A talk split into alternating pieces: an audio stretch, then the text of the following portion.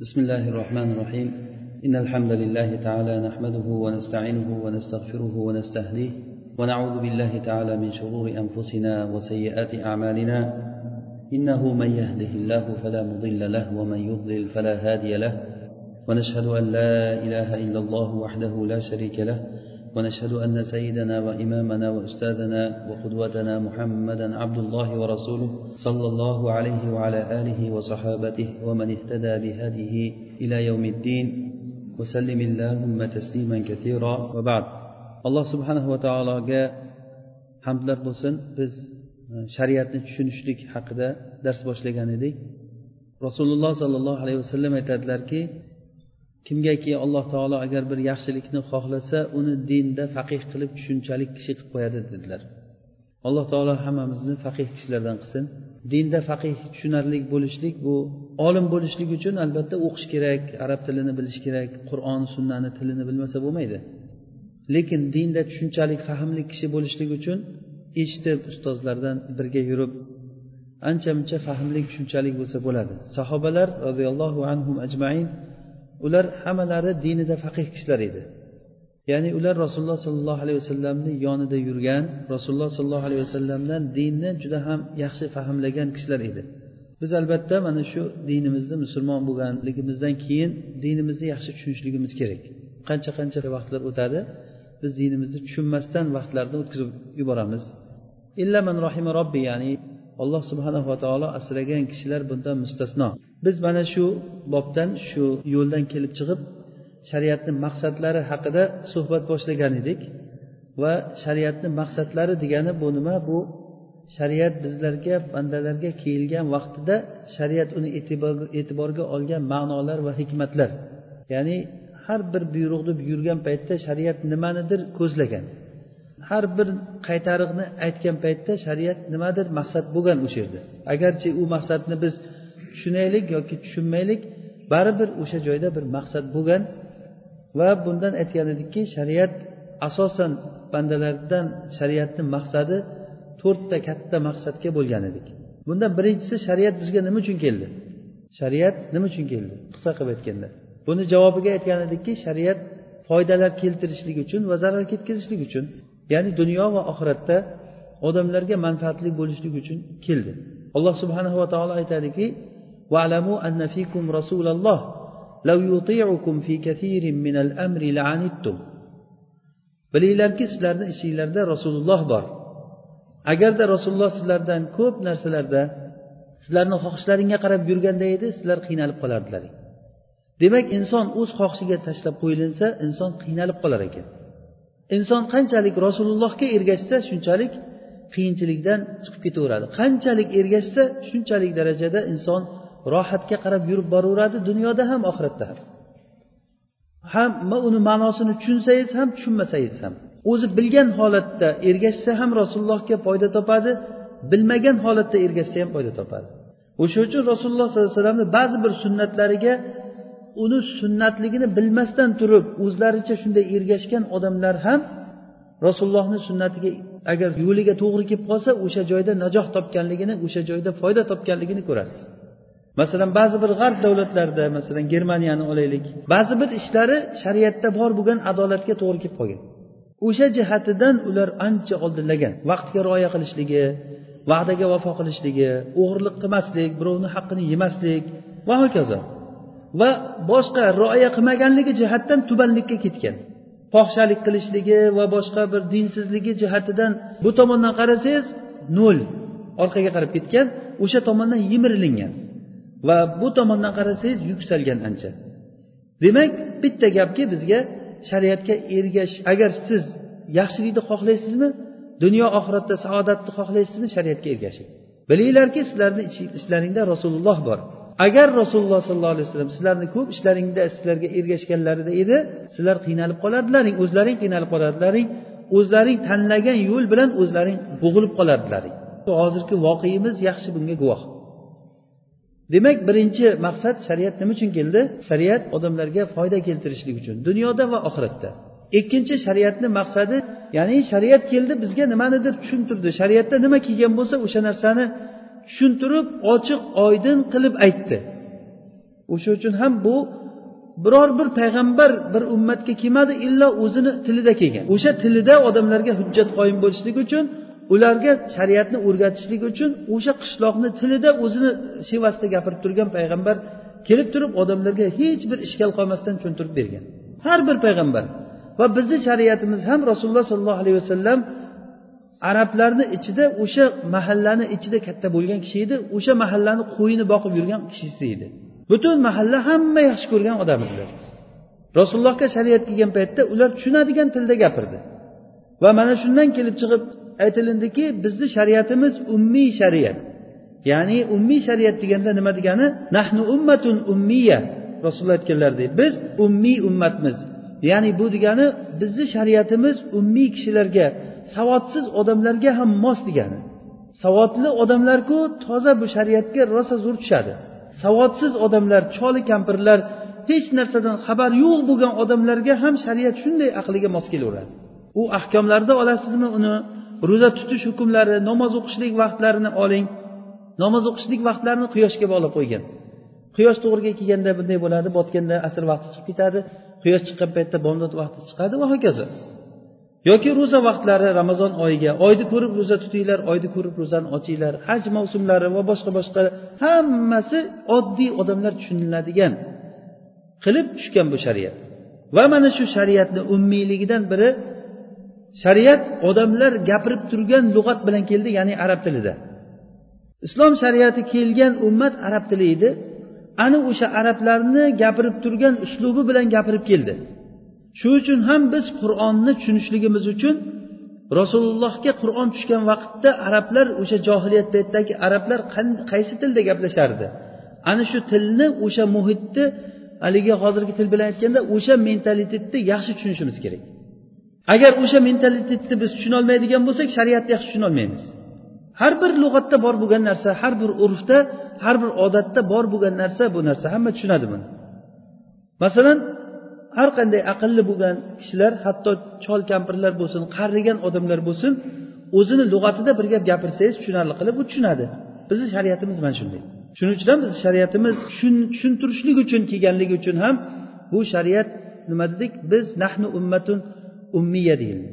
Aqidadagi holatlari ham buni oxirgi gapirgan gaplarimiz bo'luvdi. Aqidada ham bizni shariatimiz ummiylarga mos bo'lgan aqidani keltirdi. Unda bir chigallik yo'q. Hamma narsa ochiq oydin. Alloh subhanahu va taolo hech bir narsaga o'xshamaydi. Alloh subhanahu va taolo hamma narsadan oliy hamma narsadan yuqori bo'lgan zot. Mana buni kim tushunmaydi? Hamma odam tushungan narsa. Uchinchisi maqsad bugun aytmoqchi bo'lgan narsa shariat odamlarga yuklash nimanidir bo'yniga vazifa qo'yish uchun keldi. Yana takror aytaylik birinchi shariat eng katta maqsadlarda aytsak birinchi nima uchun keldi? Foyda keltirishlik uchun dunyo va oxiratda. Ikkinchisi odamlarga tushuntirish uchun keldi. Odamlar tushunarsiz bir e, topishmoq bo'lgan narsalar raqamlar sirriy raqam raqamlar deganga o'xshagan raqamlar bilan aytilinmaydi. Falon oyatni falon raqamini falon anovisi qatori o'shani tekshirsa tagidan mana bu narsa kelib chiqib kelar ekan degan narsalar biz shariatimizni maqsadi emas u. Va uchinchisi nima ekan? Shariat odamlarga taklif qilishlik uchun yuklash uchun keldi. Nimanidir zimmamizga yuklashlik. Biror bir xabar biror bir hukm biror bir narsa yo'qki qur'on sunnada illo odamlarni ustiga nimanidir yuklaydi. Sizga nimanidir buyuradi nimanidir qaytaradi. Ana o'sha qaytargan paytda buyurgan paytda sizga nimanidir qilishligingizni shariat xohlaydi yuk zimmamizga keladi. Faqat xabar berib qo'yish emas. Shariatni maqsadi faqat xabar berib qo'yishlik emas. Mana bu narsani tushunsak biz keyin shariatdagi musulmon kishi bilan bir sharqshunos bo'lgan dinshunos odamni o'rtasini ajratib ola olamiz. Dinshunos bo'lgan sharqshunos odamda xabar bo'lishligi mumkin. U bir tarixiy voqea o'laroq aytadi. Masalan falon yilida muhammad ismli bir odam chiqqan uni atrofida hech narsadan qaytmaydigan pahlavon odamlari yordamchilari bo'lgan u bo'lgan bu bo'lgan tarixiy jihatdan juda zo'r qilib keltirishligi mumkin. U islomshunos odam u. tarixni zo'r bilishligi mumkin. Zotan ko'p odam musulmon kishilar tarixni bilmaydi. U tarixni bilishligi mumkin lekin bu bilan u musulmon bo'lib qoldi degani emas u. Chunki shariatni maqsadi faqatgina tarixni aytib qo'yishlik emas. Shariatni maqsadi shu tarix bo'lsin boshqa bo'lsin odamlarni zimmasiga nimanidir yuklash uchun kelgan. Ahli ilm bo'lib yurgan ba'zi bir kishilar bilan men bir suhbat bo'lib qolganimizda ahli ilmman deb davo qilgan kishilardan biri aytadiki bu arablarni hozirgi muhaqqiqlarga ishonch yo'q. Muhaqqiqlar ko'p xato qiladi. Kitoblardagi taqiqlarga qarasangiz sanalar haligi yillarni keltirgan paytda noto'g'ri keltiradi ba'zan. Falon yili tug'ilgan deydi falon yili o'lgan deydi qarasangiz o'sha tug'ilgan yili o'sha o'lgan yiliga to'g'ri kelmay qoladi. Lekin bu bobda e, nemislarni sharqshunoslari juda kuchli deb maqtayapti. Brukkelmanni maqtadi brukkelman degan bir shaxsshunos muhaqqiq odam bor u judayam e, haligi narsalarni aniq aytadi deydi xabarlarni qarangki biz shular shular bilan aldanib qolganmiz. Bu to'g'ri kelmaydigan narsa bu. Birinchidan dinsiz odamni xabari qabul qilinmaydi o'zi aslida. Har qancha aniq aytsa ham. Biz shariatimizni tarix sifatida o'rganmasligimiz kerak. Shariatni eshitgan paytda hattoki masalan bani isroil haqida xabarlar keladi masalan qur'onda? Fir'avnni xabarlari aytilinadi. Va boshqa boshqa xabarlar aytilinadi. Ana o'sha xabarlarda bizga tushuningki nimanidir yuklayapti shariat. Bani isroildan bir toifa odamlarni cho'chqa va maymunlarga aylantirib yubordi alloh taolo. Bu xabarni aytib qo'yishlikdan maqsad nima ularda topilgan sifatlar sizlarda topilsa sizlarga ham mana shu hukm tushadi degani. Bekordan bekorga aytmaydi. Degan sifatlarni aytadi. Ular yolg'onni ko'p eshituvchi va haromni ko'p yeydigan odamlar degan. Mana shu sababdan ham ular bilib turib adashib ketdi u odamlar. Demak insonni bilib turib adashib ketishligini sababi xabarlarni ko'p eshitishlik yolg'on xabarlarni ko'p eshitishlik va haromni ko'p yeyishlik sababli bu xabar bani isroildagi yahudlar haqida gapiryapti. Degan tushuncha bilan shunday o'qib o'tib ketaverishimiz kerakmi? Yo'q biz bir narsani tushunaylikki shariat bizga ustimizga nimanidir yuklash uchun aytadi har bir gapini. Xoh u xabar bo'lsin xoh u buyruq va qaytariq bo'lsin. Buyruq va qaytariqlar tushunarli ey mo'minlar ey iymon keltirganlar falon ishni qilinglar. Ey iymon keltirganlar falon ishni qilmanglar. Uyga kirsalaring salom berib kiringlar. Zino qilmanglar o'g'irlik qilmanglar birovni molini yemanglar. Bir birlaringni g'iybat qilmanglar. Musulmon musulmon kishini o'ldirmasin. Degan buyruqlar bu tushunarli ustimizga nimanidir yuklaydi. Lekin xabarlar ham hatto bizni ustimizga shariat nimanidir yuklaydi. Shariatni maqsadi odamlarga shu kelishligidan maqsad odamlarni zimmasiga buyruqlarni ularni zimmasiga topshiriqlarni joylashtirishlik yuklashlikdan iborat. Mana bu shariatni maqsadi uchinchisi bugun o'rganadiganimiz. Bu uchun qoidalar chiqadi ba'zi bir qoidalar. Bu qoidalar shuki shariat bizga toqatimizda yo'q bo'lgan narsani yuklamadi. Ya'ni shariat agar odamlarni zimmasiga modomiki bir vazifa yuklashni xohlagan ekan o'sha vazifani odamlar qila oladigan darajada yuklaydi. Agar odamlar qila olmaydigan narsani yuklasa demak shariat bu yerda xuddiki bir bekordan bekorga aytgandek bo'lib qoladi. Masalan odamlarga aytsaki bundan shariat bizni muborak shariatimiz bundan pok masalan odamlarga aytsaki ey odamlar mana shu tog'ni joyidan bu yoqdan bu yoqqa olib qo'yinglar desa. Quyosh mashriqdan mag'ribga chiqyapti sizlar to'xtatinglar quyoshni desa. Osmondan yomg'ir yog'yapti uni to'xtatinglar bir tomchi ham bir tomchi ham suv yerga tushmasin sizlarga buyruq shu. Bu qanaqangi taklif bo'ladi bu yerda? Odamlar o'sha narsani bajara oladimi? Odamlar uni bajara olmaydimi?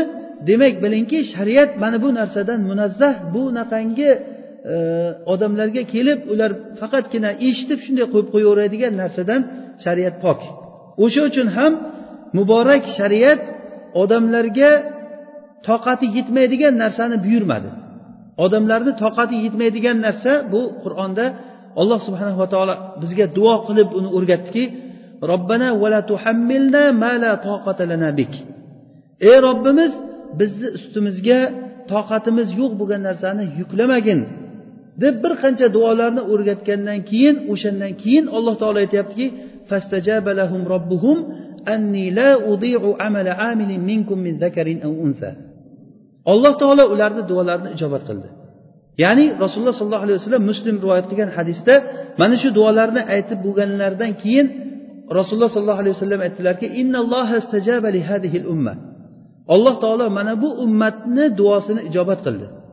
Ya'ni bizga toqatimizda yo'q yo'q bo'lgan narsani yuklamagin deb duo qilgan paytda duolarni ijobat qildi. O'zi zotan bu duolarni ollohni o'zi o'rgatdi bizga shunday duo qilinglar deb. Bu narsa shariatdagi bir qancha dalillardan bir qancha hadislardan yig'indisidan kelib qolgan tushunchaki biz shariatni o'qib o'rganib qarasak bitta tushunchaga kelamiz. Bu ahli sunna val jamoatni aqidasi shariat hech qachon odamlarni toqati yetmaydigan narsani yuklamas ekan. Toqati yetmaydigan narsa hozir aytganimizdek quyoshni bu yoqdan chiqyapti mashriqdan chiqib mag'ribga botyapti. Sizlar shuni mag'ribdan chiqarib mashriqqa botqizinglar yomg'ir yog'yapti to'xtatinglar. Yo bo'lmasa yomg'ir yog'diringlar bugun. Qanday bo'lmasin? Bu inson toqatidagi narsa emas bu mustahil bu umuman mumkin bo'lmagan narsa. Shariat muborak shariatimiz bu pokiza shariat. Bunaqangi narsalardan pok. Bizga buyurilingan narsalar har biri birinchidan foyda keltiruvchi ikkinchidan tushunarlik uchinchidan bizga bajara oladigan bir hukmlarni keltirdi. Nima uchun chunki shariat bizdan o'shani bajarishligimizni xohladi. Bizni ustimizga taklif keldi mujarrad shuni eshitib qo'yishligimiz uchun emas. O'sha uchun ham biror bir shariatdan dindan gapni eshitsangiz o'sha o'z uz o'zidan sizni zimmangizda vojib bo'lib tushib qolaveradi. Agar u sizga buyruq bo'lib tuyulinmasa ham. Masjidga kirib keluvdiz yusuf alayhissalom haqida qissalarni qilib turuvdik. O'shanda eshitib turdingizki bir qissalardagi bir voqealar qur'ondagi bir voqealar kelyapti. Ana o'shanda bilingki sizni zimmangizda nimadir tushyapti. Shariat mana shu narsani xohladi bizdan. Har bir buyruqlar har bir xabarlar bizni zimmamizga toqatimiz yetadigan darajada yuklab keldi. Toqatidan tashqari yuklamaslik toqatida bor narsani yuklashlik yuklashlik bu ahli sunna val jamoani e'tiqodi bu. Ya'ni o'zi aqlan o'zi mumkin. Shariat o'zi xohlagan narsaga buyurishligi xohlagan narsadan qaytarishligi aqlan mumkin. Chunki shariat alloh subhanava taolo u xoliq bo'lgandan keyin xoliq mulkni egasi bo'lgandan keyin xohlagan narsasini qil deydi xohlaganini qilma deydi lekin olloh hakim bo'lgan xoliq. U xoliq olloh aziz bo'lgan zot lekin o'sha izzati bilan birga hakim ham. Shuning uchun ham qur'onda vallohu azizun hakim keladi. Alloh taolo ham aziz ham hakim bo'lgan zot. Hakim zot hech qachon odamlarga buyruq buyurgan paytda ular qila olmaydigan narsani buyurib keyin ularni azoblaydigan bo'lmaydi. Bu yerda bir tushunarsiz bir ishkal bo'lishligi mumkin. Ya'ni shariatda ba'zi bir buyruqlar kelgan u buyruqlarni zohiriga qarasak inson toqatidagi narsa emas. Masalan shariatda yaxshi ko'rishlikka alloh taoloni yaxshi ko'rishlikka buyruq kelgan. Alloh taolo sizlarga ne'matlarni beryapti. Shuncha bergan ne'mati uchun ollohni yaxshi ko'ringlar deb kelgan. Bu yaxshi ko'rishlik inson toqatidagi narsa emas bu. Hozir biz qoidada aytib o'tdikki shariat inson toqatida emas bo'lgan narsaga buyurmaydi dedik. Lekin ba'zi bir zohiridan qaraganda inson toqatida emas bo'lgan narsalarni yuklashga o'xshagan narsalar kelib qoladi shariatda. Masalan ollohni yaxshi ko'ringlar. Yaxshi ko'rishlik va yomon ko'rishlik odamni qo'lidagi narsa emas bu. Siz bir narsani men shuni yaxshi ko'raman deb yaxshi ko'rmaysiz. Men shuni yomon ko'rishim kerak ekan deb yomon ko'rmaysiz. U xohlang xohlamang yaxshi ko'rasiz xohlang xohlamang yomon ko'rasiz. Ba'zi bir mevalarni yaxshi ko'rasiz ba'zi bir mevalar sizga yoqmaydi masalan. Nima uchun? O'zidan bilmaysiz. Men yoqmay menga yoqmaydi bu narsa deysiz. Kimgadir yoqqan narsa bir odamga umuman yoqmaydi. Kimgadir issiq yoqsa kimgadir sovuq yoqadi. Kimgadir shovqin suron yoqsa kimgadir tinchlik yoqadi. Nima uchun? O'zi ham bilmaydi uni. Inson shunday olloh shunday yaratgan insonni. Demak inson toqatidagi narsa emas bu. Nimaga shariatda o'shanaqangi toqatida emas narsalar buyurilgan ollohni yaxshi ko'ring yoki hubbul al hubbu fillah val bug'du fillah keladi masalan. Olloh yo'lida yaxshi ko'rishlik olloh yo'lida bir birini yomon ko'rishlik. Va yoki masalan bir kishi kelib ey rasululloh menga bir amalni ayting. Eng yaxshi amal nima? deganda g'azab qilma dedilar. La tag'dob deganlar. Ya'ni g'azab qilmaslik insonni o'zini toqatidagi narsami? Hozir sizni bir kishi g'azabingizni keltirsa g'azabingiz o'zizni ixtiyoringiz bilan chiqadimi yo ixtiyordan tashqaridagi narsami u? Insonni g'azabi chiqishligi ixtiyoriy narsami ixtiyordan tashqaridagi narsami? Ixtiyordan tashqaridagi narsa. Nimaga ixtiyordan tashqaridagi narsaga shariat qaytaryapti uni? G'azab qilmagin deyapti. Xuddi aytganimizdek yaxshi ko'rishlik masalan. Inson toqatidagi narsami toqatdan tashqari narsami? Inson toqatidan tashqari narsa yaxshi ko'rishlik. Lekin nima uchun yaxshi ko'rishlikka buyuryapti shariatda? Biz yuqorida qoida aytdikki shariat inson toqatida emas bo'lgan narsani yuklamaydi. Odamni kuchi yetmaydigan narsaga shariat buyurmaydi deb aytdik. Buni shunday javobi shuki shunday tushunishligimiz kerak. Mana bu ba'zi bir ishlar bor inson toqati yetmaydigan narsalar. Bu ishlar insonni ixtiyorisiz o'zi sodir bo'ladi. Shariatda yo buyruq yo qaytariq kelgan paytda o'sha sodir bo'lgan ishdan keyingi ishni sen qilma degani. Masalan g'azabingiz keldiku. G'azabingiz kelgandan keyin nima qilasiz? Yo so'kasiz yo urasiz g'azablanma degani o'sha g'azablanib bo'lgandan keyingi ishni qilma degani. Masalan rasululloh sollallohu alayhi vasallamni o'zlari ham g'azablanardilar. Rasulullohni ba'zan g'azablanganlarida yuzlariga xuddi anorni doni anorni doni sachrab ketganda yuzlari qizarib ketardilar. Yotgan holatlarida yonboshlagan holatlarida bo'lsa ba'zan o'rnlaridan turib olardilar rasululloh gunoh kabiralarni sanash paytlarida shahadatu zur yolg'on guvoh berishlik dedilarda keyin yonboshlab o'tirgandilar o'rnilaridan turib o'tirib oldilar ala va shahadatu zur deb qaytaraverdilar juda ham shijoat bilan qaytaraverdilar hatto sahobalar rasulullohga rahmlari kelgandan bas qilsalar bo'lardi deb o'ylab qoldik degan. Ba'zan rasulullohni oldiga ba'zi bir odamlar masalan usomat ibn zayd rasulullohni oldiga kelib turib e, bir g'omidiyalik bir ayol o'g'irlik qilgan paytda shu ayol juda sharafli qavmdan uni qo'li kesilinmasin deb rasulullohga shafoatchi bo'lib kelgan. Hech usomat ibn zayd o'ylamaganki rasulullohni bu sohada bunchalik darajada qattiq turadi deb o'ylamagan. Rasulullohni oldiga kelib ey rasululloh shu ayol bilmasdan o'g'irlik qilib qo'yibdi g'omidiyalik ayol o'ta sharafli qavmdan. Shuni qo'li kesilmasin shuni deb aytganda rasululloh sollallohu alayhi vasallam shunchalik g'azab qildilarki yuzlari qizarib ketdi rasulullohni sen hali ollohni hududlaridan bir hududda menga shafoatchi bo'lib keldingmi dedilar. Ikkinchi seni bu holatda ko'rmay dedilar. Vallohi agar fotima binti muhammad o'g'irlik qilsa men qo'lini kesaman degan. Sizlardan oldingi odamlar xuddi shu ishni qilgan. Agarda ularda bir sharafli odam o'g'irlik qilsa qo'lini kesmay qo'yib yuborgan agarda bir zaif odam o'g'irlik qilsa qo'lini kesgan.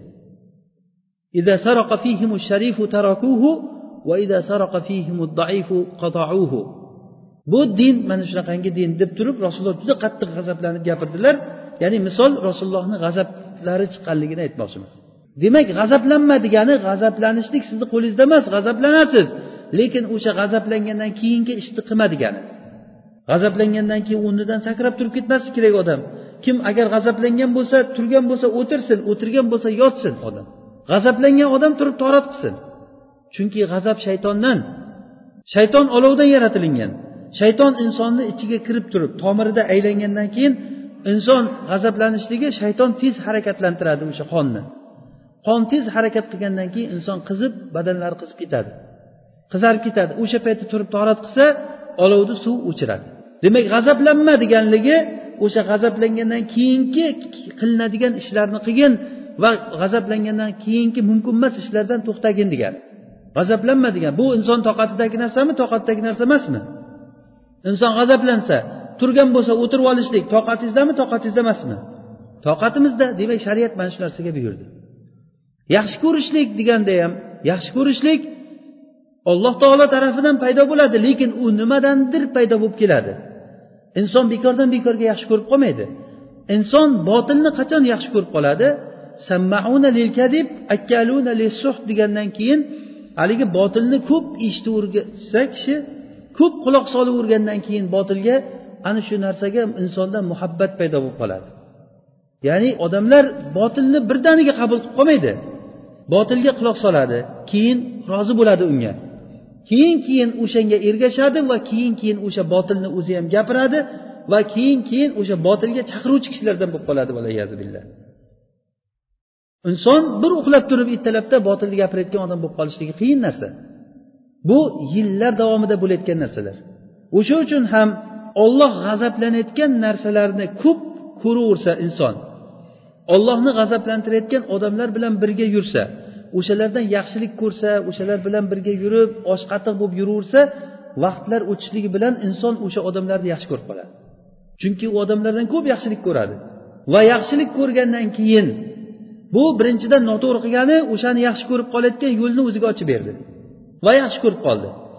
Yaxshi ko'rib bo'lgandan keyin endi o'sha yaxshi ko'rishlikdan keyin chiqayotgan narsalar bu bu inson toqatidagi narsalar. Masalan bir insonni bir kishi yaxshi ko'rsa o'sha yaxshi ko'rgan kishisi uchun shariatga muxolif bo'lishligi mumkin. Ba'zi bir insonlar o'zini yaxshi ko'rgan narsasi uchun ba'zi bir o'sha o'ziga hayoti uchun qo'ygan asoslaridan ketishib chekinishlikka boradi. Masalan pulni tejamkorlik qilishlikni siz hayotda o'zizga asos qilib olgansiz. Sizni mabodiylaringizdan. Pulda iqtisod qilishlik tejamkor bo'lishlik. Ana endi inson bir narsani yaxshi ko'rib qolsa o'sha yaxshi ko'rgan narsasi uchun haligi o'zini asos qo'yib qo'ygan iqtisoddan ham kechib pulini sarflab qo'yadi shu yoqqa qarab o'sha uchun ko'rasizki bir odamlar bemaza bir narsalarga pul sarflaganligini ko'rasiz. Bir konsert ko'rishlik uchun bitta samolyotni o'zini sotib olib turib saudiyadan misrga bir kishi borib turib o'sha konsert tomosha qilishlik uchun kelganligini maqtab aytib berganligini o'zimiz eshitganmiz shuni. Bir samolyotni bir o'zi sotib olgan. Konsertga borish kerak ekan yetisholmay qolgan samolyot ketib qolgan misrga ketdi. Har kuni bir, bir marta qatnaydigan samolyot ekan. Bir soat oldin ketib qoldi degandan agar bitta samolyotni pulini to'lasangiz olib boramiz desa bitta samolyot pulini to'lab turib misrga kelgan. Nima uchun? O'sha qo'shiq eshitib ketish uchun. Mana bu muhabbatdan kelib chiqadigan amal bo'lyapti.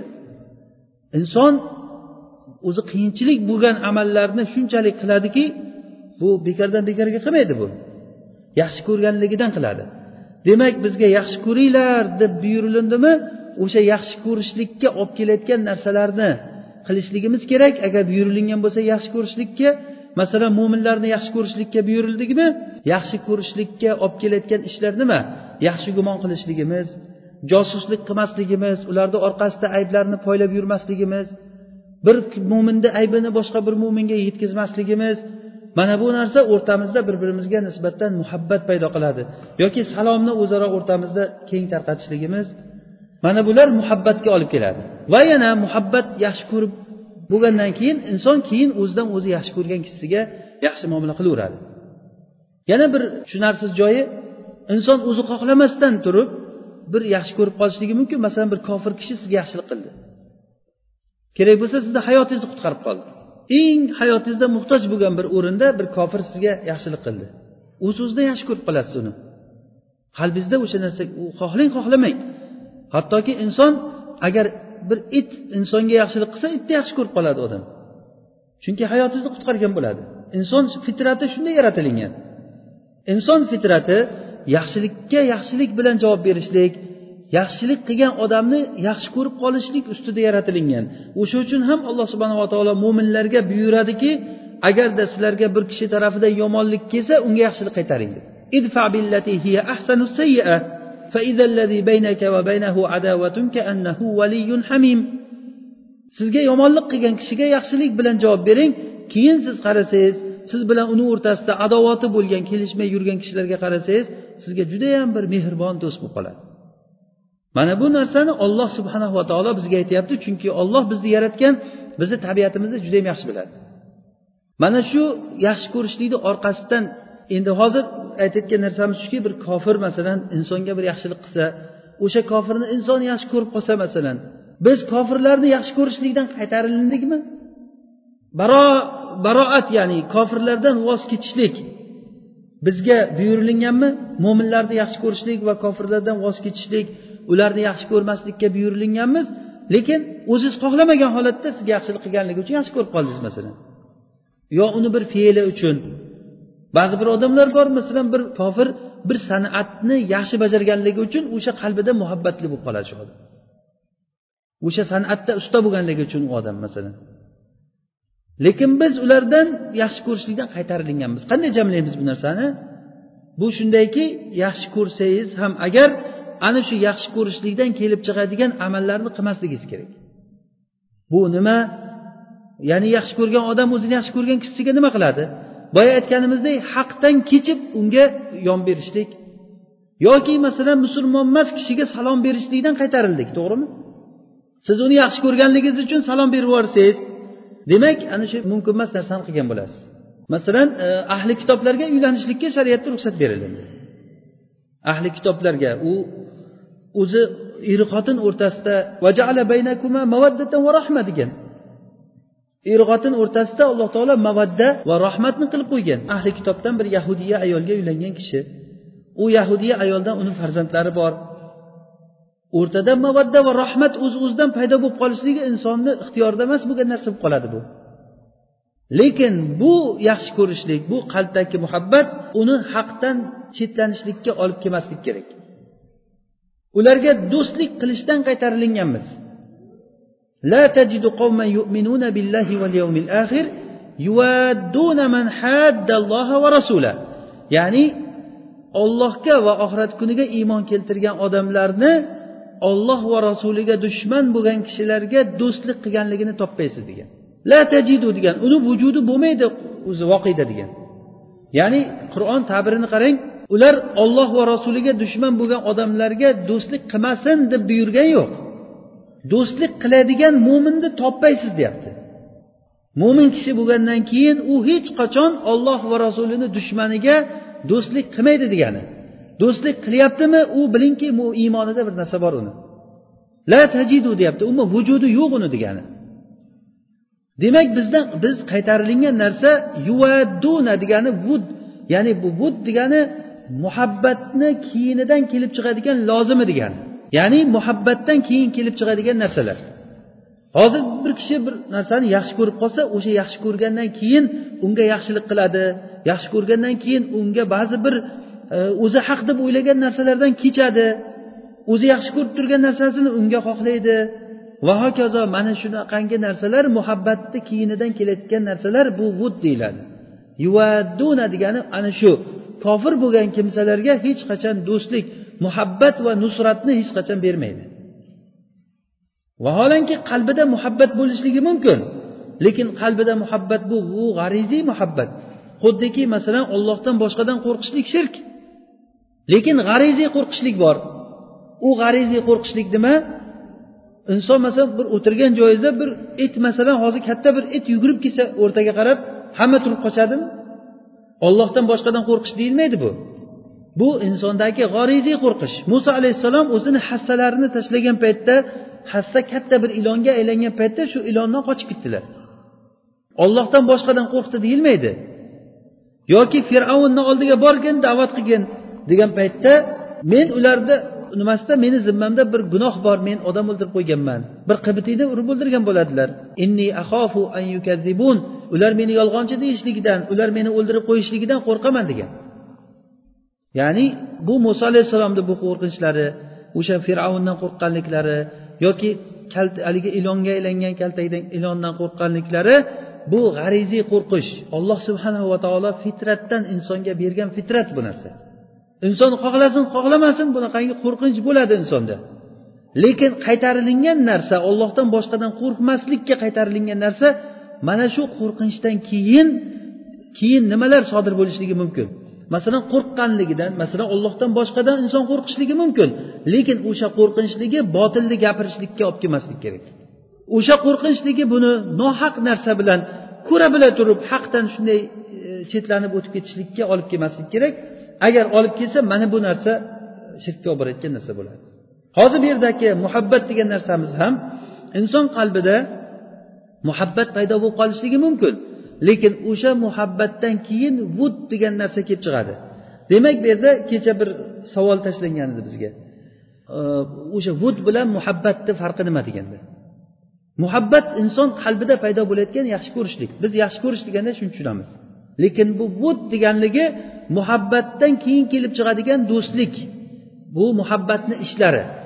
Yaxshi ko'rgandan keyin inson nima qiladi? Unga yordam beradi yaxshi ko'rganiga pul beradi yaxshi ko'rib qolgandan keyin uni aytganini qiladi itoat qiladi. Hatto nohaq bo'lsa ham itoat qilaveradi.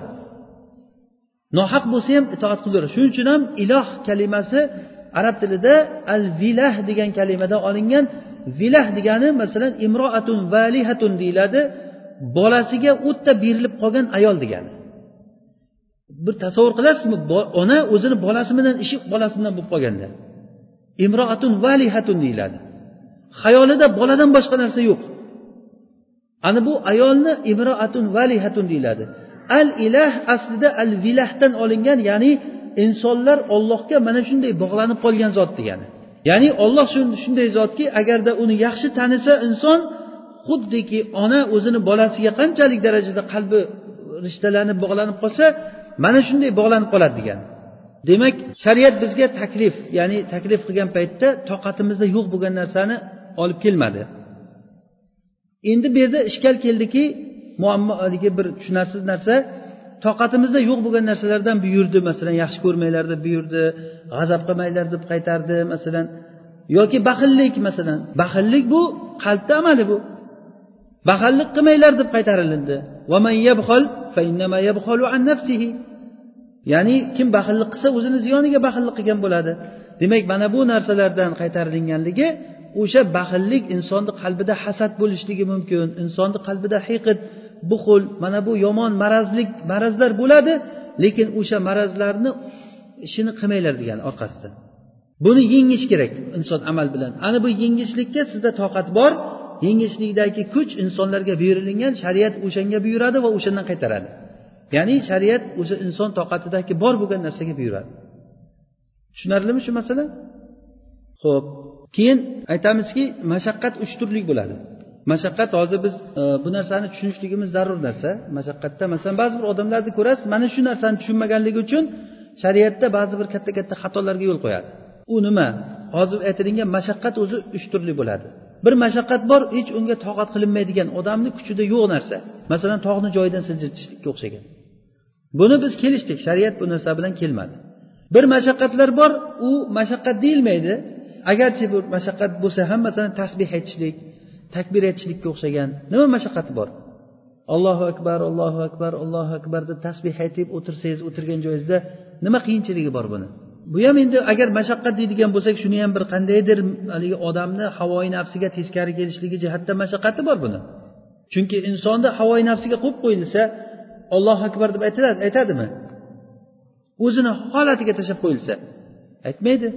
Allohu akbar subhanalloh deb aytishliklar bu taklif. Insonga buyurgan buyruqdan keyin kimki ollohu akbar deyaptimi olloh buyurgan deb aytadi. Yoki masalan tasbehlar va boshqa boshqa anavlar torat olishlik masalan issiq kunda torat olishlik masalan. Zotan insonga yoqadi bu narsa. Lekin uni tartib bilan olishlikchi. Tartib bilan olishlikda mashaqqat bormi? Qaysidir ma'noda mashaqqat bormi? O'zini havoyi nafsiga teskari kelishlik jihatdan mashaqqat bormi? Shu tomondan bu mashaqqati bor bo'lgan amallar bor. Va uchinchisi odatdagi mashaqqat bor bo'lgan narsalar bor. Masalan ba'zi bir narsalar bor. Hozir aytgan masalan shariatda namoz o'qishlikka buyurilindi. Ro'za tutishlikka buyurilindi. Masalan ramazon ro'zasi yozni eng issiq kuniga to'g'ri keldi. O'sha yozni eng issiq kunida ramazonda ro'za tutsangiz mashaqqati bormi yo'qmi? Mashaqqati bor. Tushundik bu mashaqqatlarni. Endi shariatda mashaqqat yo'q qiyinchilik yo'q deb hammamiz aytamiz. Shariatda qiyinchilik yo'q shariat judayam oson deb aytamiz. A shariat judayam oson bo'layotgan bo'lsa e, ramazonda issiq paytda ro'za tutsa odamlar qiynalsa ham ro'za tutsin dedi. Jihodni odamlarga vojib qildi. Chekinishlikni eng gunoh kabiralardan qildi. Dushmanga yo'liqqan paytda dushmanga orqasini o'girib orqaga qarab qochishlik bu gunoh kabiralardan mubiqotlardan ya'ni halok qiluvchi insonni qilgan amallarni kuydirib yuboruvchi narsalardan deb sanalindi bu narsalar. Demak biz qanday bir jamlaymiz shuni qanday tushunishligimiz kerak. Shariatda hozir biz aytdikki mashaqqat yo'q. Dedikmi? Yo'q. Bu narsani mutlaq mashaqqat yo'q demasligimiz kerak. Shariatda inson toqatida yo'q bo'lgan narsalarni shariat buyurmadi. Lekin tabiiy mashaqqatlar bor. Ya'ni bir amalni o'zidan kelib chiqadigan mashaqqatlar bor. Masalan ro'za tutasiz ro'zani qiyinchiligi bor. To'g'rimi? Namoz o'qiysiz namozni qiyinchiligi bor. Haj. Qancha zahmada qancha odam nimada qoladi qiyinchilikda qoladi. Hajga borgandagi yo'ldagi qiyinchiliklar safarda. U yerdagi ibodatni ado qilishlikda shaytonga tosh otish paytida zahmida oyoq tagida qolib qancha odamlar o'lib ham ketadi o'sha yerda. Qiyinchilik bu. Muzdalifaga kelgan paytda arafatdan arafotdan muzdalifaga kelgan paytda juda tor joyga odamlar tiqilib juda qattiq qiyinchilikda qolib ketib qoladi. Mana bu qiyinchiliklar bor. Lekin bu ibodatni o'zini qilishlikdagi shu odatiy qiyinchilik bu. Mana bu qiyinchilikni shariat e'tiborga olmadi. E'tiborga olmadi degani bu qiyinchilik bo'laversin odamlar ibodat qilishlik uchun mana shu qiyinchilikni ko'tarishligi shart. O'zi asli insonni olloh subhanahu va taolo nima uchun yaratdi inson va jinni? Ollohga ibodat qilishlik uchun yaratdi. Ollohga ibodat qilishlik uchun yaratgan bo'lsa asli maqsad o'zi inson ollohga ibodat qilishlik uchun yaratilindi. Alloh subhanava taolo ibodat uchun yaratilingan insonga shariat olib keldi qanday qilib ibodat qilishlikni ko'rsatib berishlik uchun. Va shu bilan birga o'zlarida o'zaro bir biri bilan muomalalar qanday bo'lishligini nikoh muomalasi taloq muomalasi va boshqa boshqa baylar e, tijoratlar hammasini shariat bizga bayon qilib ko'rsatib berdiki mana shuni qilsanglar foyda qilasizlar deb demak asliy maqsad ibodat bo'lgandan keyin shariatda bizga bo'lgan buyruqlar kelgan e, buyruqlarda odam toqatidan tashqari qiyinchilik bo'lgan narsa yo'q ko'tarilgan narsa. Siz shu aslni o'zizga qo'yib olgandan keyin agar kimda kim sizga shariatda bir ish borki u agar uni orqasida mashaqqatini hech odam toqati yo'q ko'tarilmaydigan narsa desa ko'tara bunda shariat ruxsat beradi yo'q deb aytavering qo'rqmasdan.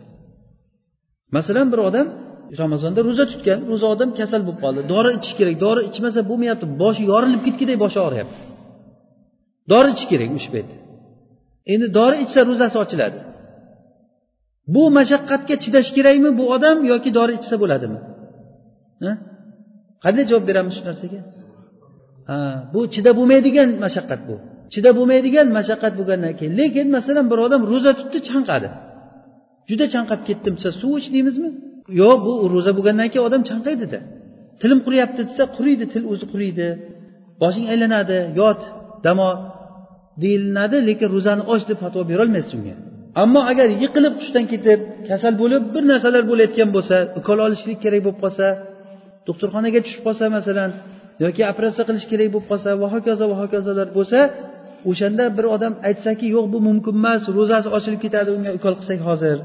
Unga hozir dori ichirayotgan bo'lsak ro'zasi ochilib ketadi desa siz aytasizki shariatda bunaqangi mashaqqatlar ko'tarilingan shariatda bunaqangi odam toqatidan tashqari narsa yo'q deb aytasiz.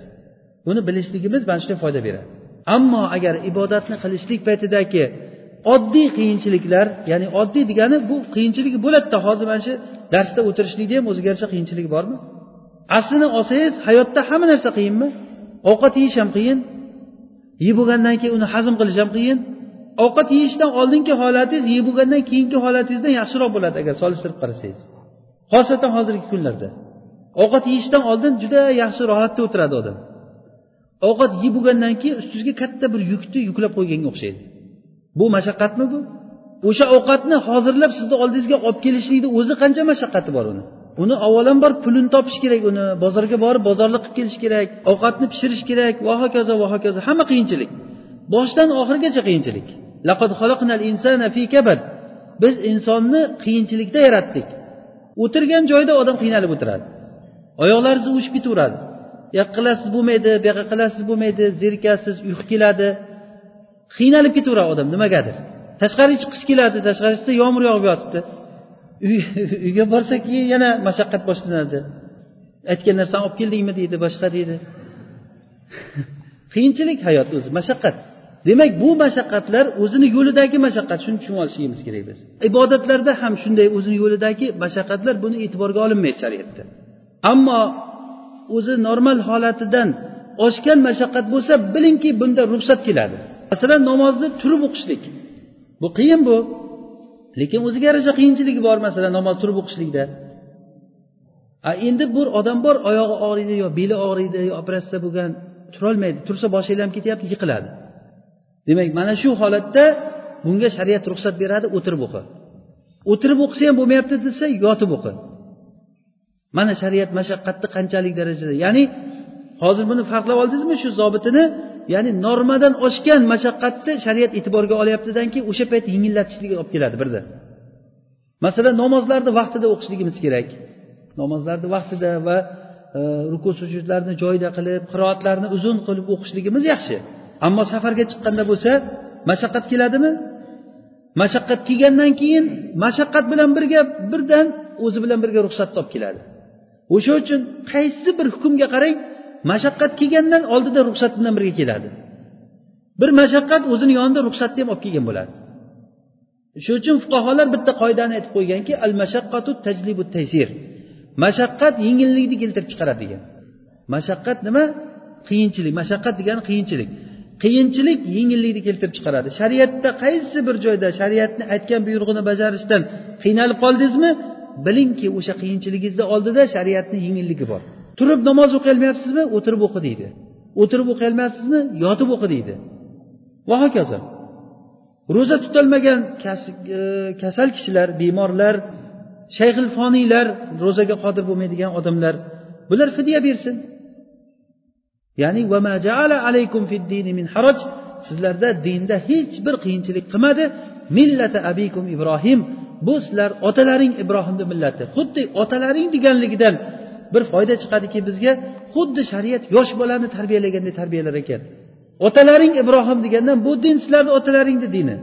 Agar sizga aytsaki bu otangni kasbi bu. Ota kasb senga shu narsa otang ham qilgan ota bobolaring ham shunaqa qilib kelgan desa odam bu narsani sevib o'zi bu meni ishim ekan shu bizni avlodimiz doim mana shu bilan kelgan otalarimiz ham shunday bo'lib kelgan ekan. Degan narsa insonga dalda bo'ladi. Alloh taolo bizni dinimizni egasini otamiz ibrohim alayhissalomni dinni nimasini boshchisini aytyaptiki millata abikum ibrohim. Otalaring ibrohimni millati bu deyapti. Xuddiki bu bola otaga ergashishligi judayam oson bo'lganidek ya'ni ergashishlikda bola otasiga qiynalmasdan ergashadi. Otam qilgan bo'lsa bo'ldi men ham qila olaman buni degani. Ya'ni millata ibrohima hanifa degan joyi ham bor oxirida. Hanif deganligi o'sha botildan haqqa qarab moyil bo'lgan hamma hukmlari to'g'ri degani hech bir hukmida bir tomonga qarab moyil bo'lishlik yo bir millatni foydasini o'ylash yo bir shaxsni foydasini o'ylash bir erkaklarni foydasini o'ylash yo xotinlarni foydasini o'ylash degan narsa yo'q. Ajib bir rabboniy shariatki bu shariatni agar yaxshi tushunadigan bo'lsak hech bir kishiga hech bir tomondan zulm qilinmagan. Kimki shariatga amal qilmadi o'ziga o'zi zulm qildi. Merosni bo'lib olishlik paytida albatta shu meros kichik farzandiga qoladi qolganlarga yo'q hech narsa. Janjallashsa ham milisalashsa ham olinmaydi. Qancha janjal qilsa ham bermaydi atrofdagilar ham yordam beradi o'shani bermasligiga. Endi chiqdingmi ketdi deydi nima kelding deydi. Bu shariatdagi narsa umuman odamlarga urf bo'lib qolgan shariatga amal qilmaslikka. Yoki boshqa boshqa narsalar mana sunnatga amal qilishlik to'g'risida masalan ko'rasiz agar bir odam ikkita xotinga uylanayotgan bo'lsa tamom hamma tomondan unga dushmanchilik gaplar kelaveradi. Ayollarni qo'ying erkaklar tomonidan ham gaplar kelaveradi. Axloqsiz bu jamiyatda o'zini maishatini o'ylagan odam bu mana shu buni ishi shu buni boshqa qilayotgan ishi yo'q bularni buni emas bularni bu va bunga ergashganlar hammasi shu degan gaplarga o'xshagan. Qarasangiz shariatga amal qilmaslik bir birimizni tezlaydigan narsaga aylanib qolgan. Va buni orqasidan qiynalyapmizmi? O'shani orqasidan qiynalyapmizmi? Kim shariatga amal qilmagan bo'lsa qiynalyapti ko'ravering qaysi joyda amal qilmagan bo'lsa o'sha joyidan kelyapti dushman. Shariat xuddi bizga temirdan qilingan bir qo'rg'onga o'xshaydi. Qaysi joyi bo'sh bo'ldimi o'sha yerdan kirib keladi dushman. Ana o'sha joydan pand yeymiz biz. Agar mustahkam bir shariat bo'layotgan bo'lsa bu shariatni bayrog'ini ko'targan odamlar hech qachon mustahab qilishni bilmaydigan odamlarni oyog'ini ostida o'shalardan oylik so'rab o'shalarni nimasida yurmaydi. Haligi aytganimizdek agar muhammadni ummati agar mag'lub bo'lganligini eshitsang bilginki u muhammadni ummati emas u mag'lub bo'lgan odamlar. Chunki muhammadni ummati bularni sifati qolib bo'lishlik. U bilginki ular o'zlarini islomini ota bobosidan meros olgan musulmonlar ular. Ya'ni islom nimaligini tushunmasdan musulmonmiz deb yurgan odamlar. Agar qachonki bir sichqonni sher bilan o'ynashayotganligini ko'rsangiz bilingki bu sherni o'zi emas bu sherni haykali bu. Agar haqiqiy sher bo'lganda edi u sichqonni qulog'idan kirib og'zidan chiqishiga qo'ymasdi. Bir tishlab o'ldirib qo'yardi. Islom mana shunaqangi qilib tushirilgan shariat bu. Alloh taolo aytadiki alloh taolo bu shariatni muhammad sallallohu alayhi vasallamga nozil qildi nima uchun? Hamma dinlardan ustun qilishlik uchun tushirdi. Bizni shariatimiz hamma dinlardan ustun bo'lishlik xususiyati bor bo'lgan shariat. Nima uchun ustun bo'lmayapti? Demak bu shariatni biz to'liq tadbiq qilolmayapmiz o'zimizda ham boshqalarda ham. Avvalambor bu har bir kishi o'zidan tadbiq qilishlikni boshlashlik kerak. O'zimizda tadbiq qilolmaymizmi demak bu o'zini kuchini ko'rsatmaydi. Biz o'zimizni o'zimiz ahmoq qilganimiz bilan davo qilganimiz bilan hech nima bo'lmaydi. Havo sovib ketdimi sizga issiq kiyim kiyishingiz kerak. Iloji yo'q bu ollohni sunnati bu. Issiq kiyim deb turib o'zini o'zi allab bir narsani kiyib olib turib dakadan bo'lgan bir narsani kiyib shu issiq kiyim desangiz ham sovqataverasiz nimaga sovqatyapman men kiyim kiydimku deb o'zizni o'zingiz ahmoq qilmang. Chunki siz kiyim kiyganingiz yo'q. Sunnatga amal qilishlik ham xuddi shunday bo'ladi. Sunnatga agar haqiqiy sunnat ma'nosida agar amal qila olsak biz bu sunnat o'zini kuchini ko'rsatadi. Shariat mana shunaqangi narsa. Sizlarni otalaring ibrohimni millatida hech qanaqangi bir qiyshiqlik hech qanaqangi bunda bir kamchilik yo'q bo'lgan narsa. Va qiyinchilik yo'q. Odamlar qo'rqadiki shariatga kirsam qiynalib qolaman. Shariatga kirsa ro'mol o'rash kerak ayollar deydi. Ro'mol o'rashdan qochib shariatga kirmaydi. Mayli kirmasin ko'chada yuribdi ro'molini yechib rohat qilib yuribdimi shular endi?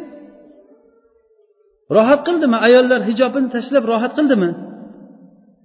Qanaqangi qiyinchiliklarga qoldi? Ko'chada qoldi ayollar. Ayol bilan erkakni huquqi teng deb turib ayollar erkakka teng bo'lgandan keyin ro'zg'orni teng tortish kerak. Va erkaklar ayolni boqishlik vazifasi emas. O'zini qonini to'qlasa bo'ldi. Farzandlar bilan ham ishi yo'q xotin bilan ham ishi yo'q. Bu yoqda ichib o'zini bilganini qilib yuraveradi erkak. Ayol ham o'zini bilganini qilib yuraveradi. O'rtada nima bo'lyapti ana endi?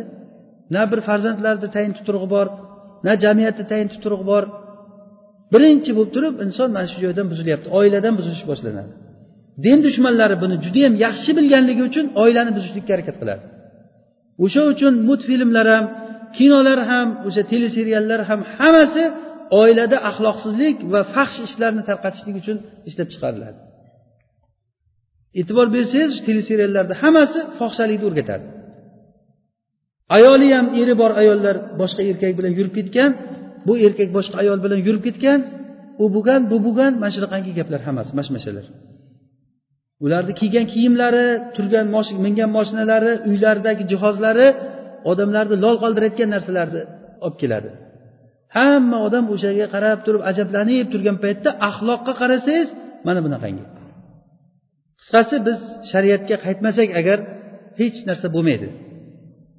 Biz buni bilaylikki shariat hech qachon bizga qiyinchilikni xohlamagan.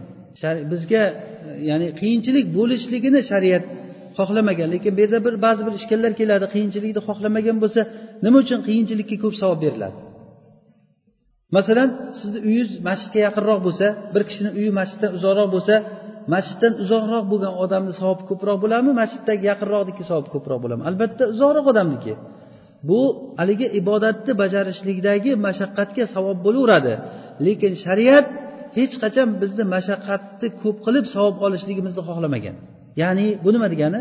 Masalan siz hozir uyingizdan kelayotgan bo'lsangiz to'g'ri bir keladigan yo'l bor.